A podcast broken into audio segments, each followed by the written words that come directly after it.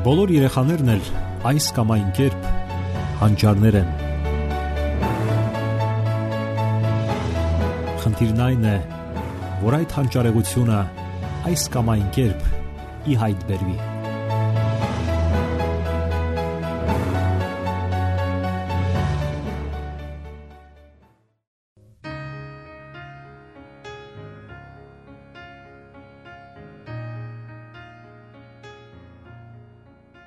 Բարև ձեզ սիրելի ռադիո լսողներ, եթերում դասերակցություն հաղորդաշարն է։ Փոխվում են ժամանակները, սակայն չեն փոխվում մարդկային հոգեբանության հիմնական սկզբունքները։ Երեխաները շարունակում են մնալ երեխաներ իրենց զարգացման եւ հասունացման հիմնական օրենքներով ու առանձնահատկություններով։ Երեխաներին առաջվա նման անհրաժեշտ են ծնողներ, հայր ու մայր։ Անհրաժեշտ են առողջ հարաբերություններ մարդկանց եւ իրենց հասակակիցների հետ Նրանք պետք է վազեն ու խաղան, վայր ընկնեն ու լացեն։ Հուզվեն, տեսնելով մարդկանց եւ կենթանիների ցավերն ու տարապանքները։ Նրանք պետք է բերկրանք ապրեն, տեսնելով բնության հրաշագործությունները, վեհ անտառներն ու լճակները, լեռներն ու կենթանիները։ Նրանք պետք է գրկեն եւ սիրեն կենթանիներին, որpիսի լիարժեք զարգանան եւ հասունանան։ Սակայն փոխվում են ժամանակներն ու իրավիճակները։ Գիտության զարգացումն ու տեխնոլոգիաների զարգացումը մի այլ որակի հարաբերություններ են սահմանում հասարակական հարաբերություններում եւ ընտանիքներում։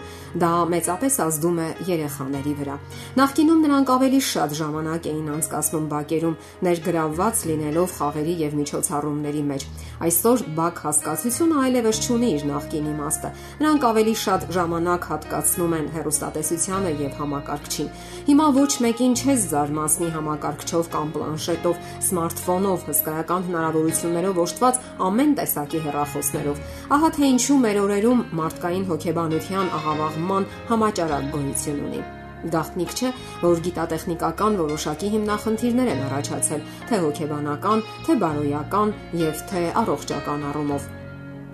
Խոսքը վերաբերում է հեռուստատեսությանը, իսկ այժմ նաև համակարգիչներին, որոնց արժև այսօր մարդիկ ժամերով անշարժանում են։ Այսօր համարյա բոլորի տներում համակարգիչ գոյություն ունի եւ բնականաբար կախվածություն։ Երեխաները այսօր ժամերով կարող են նստել թե հեռուստացույցի եւ թե համակարգչի առջև եւ չփոկվել այնքան ժամանակ, մինչեւ մեծահասակները չմիջամտեն։ Իսկ ինչ հետևանքներ կարող է ունենալ դա երեխաների առողջության վրա։ Ասենք որ մասնագետները արդեն հստակ կապ են տեսնում հեռուստատեսության, համակարգչի եւ մանկական գիրության միջև Հնարամիտ խելացի մարդիկ ընտրելով համապատասխան ռիթմերը, գույները, պատկերները եւ երաժշտությունը համոզում են էկրաններից, որ մենք բոլորս, այդ թվում եւ երեխաները,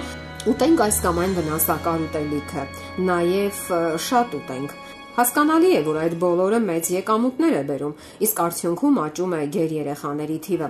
Արդեն փաստեր են արցանագրվում մանկական շաքարախտի մասին։ Փաստ է, որ այդ ամենի զոհ են դառնում առաջին հերթին երեխաները, որպես առավել անպաշտպան եւ խոցելի շերտ։ Չէ՞ որ նրանք այնքան սրտին մոտիկ են ընդունում այն ամենը, ինչ մատուցվում է հեղինակավոր աղբյուրից, հերոստացույցից։ Բազմաթիվ հետազոտություններ ապացուցում են, որ գոյություն ունի կապ վիրտուալ կախվածության եւ այնպիսի հակադիր աղավաղ խաղաղումների միջև, ինչպիսիք են ախորժակի կորուստը կամ շատակերությունը։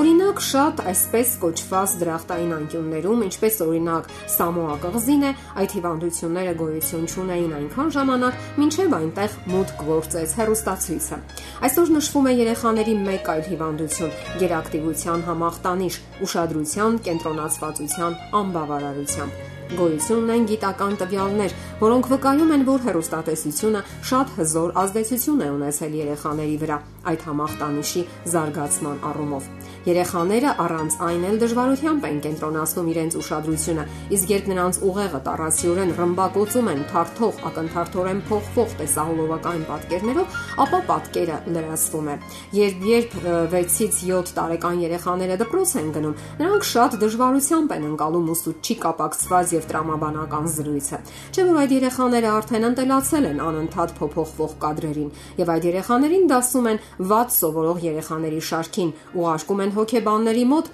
եւ դեղորայք են նշանակում։ Ինչն է այսօր գրավում երեխաներին։ Դե իհարկե մուլտֆիլմերը։ Եվ բազմաթիվ հետազոտողներ այսօր ասում են, որ ժամանակակից մուլտֆիլմերը իրենց մեջ անբարոյականության դասեր են պարունակում։ Հրճակ վայելող շատ մուլտֆիլմերում հերոսների փոխհարաբերությունները բացասական դասերի օրինակ են՝ անհնազանդություն ծնողներին, ագրեսիվություն, անտարբերություն ուրիշների ցավի, վշտի ու տառապանքի հանդեպ, սիրախախ հակառակ սեռի հետ եւ այլն։ Երեխաները տեսնում են, թե ինչպես հանգիստ սպանում են թե մարդկանց եւ թե կենդանիներին։ Բախտերևի անվան հոգենյարդաբանական ինստիտուտի գիտնականները ապացուցել են, որ այն երեխաների ուղեղները, ովքեր կանոնավոր ժամանակ են անցկացնում հեռուստացույցի կամ համակարգչի առջև, իրենց զարգացմամբ բավականաչափ յետ են մնում այն երեխաների ուղեղներից, ովքեր հեռուստահաղորդումներ չեն նայում, համակարգչային խաղեր չեն խաղում, այլ բավականաչափ շփվում են մարդկանց հետ, խաղում են, կարդում, ճանաչում շրջապատող աշխարհը։ Տեխնիկական տեղեկատվության արկայությունը երբեք ավելի լիարժեք չի դարձնում երեխային։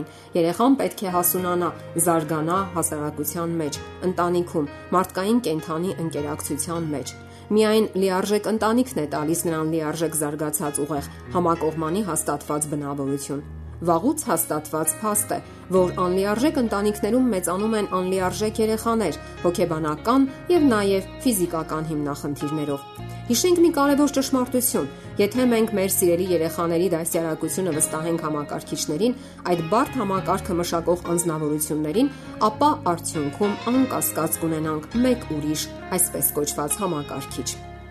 Ուրեմն կարևորենք Մեր երեխաների առողջությունը խիստ կարևոր է եւ պետք է մտահոգի յուրաքանչյուր ծնողի, որpիսի կարգավորի նրա այն ժամանակը, որ նա անց է կասնում հերոստատեսության եւ համակարգչի առաջ։ Երեխան պետք է ավելի շատ շփվի մարդկանց իր հասակակիցների հետ,